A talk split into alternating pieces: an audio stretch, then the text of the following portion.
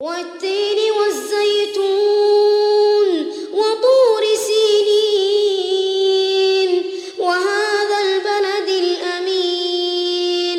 لقد خلقنا الإنسان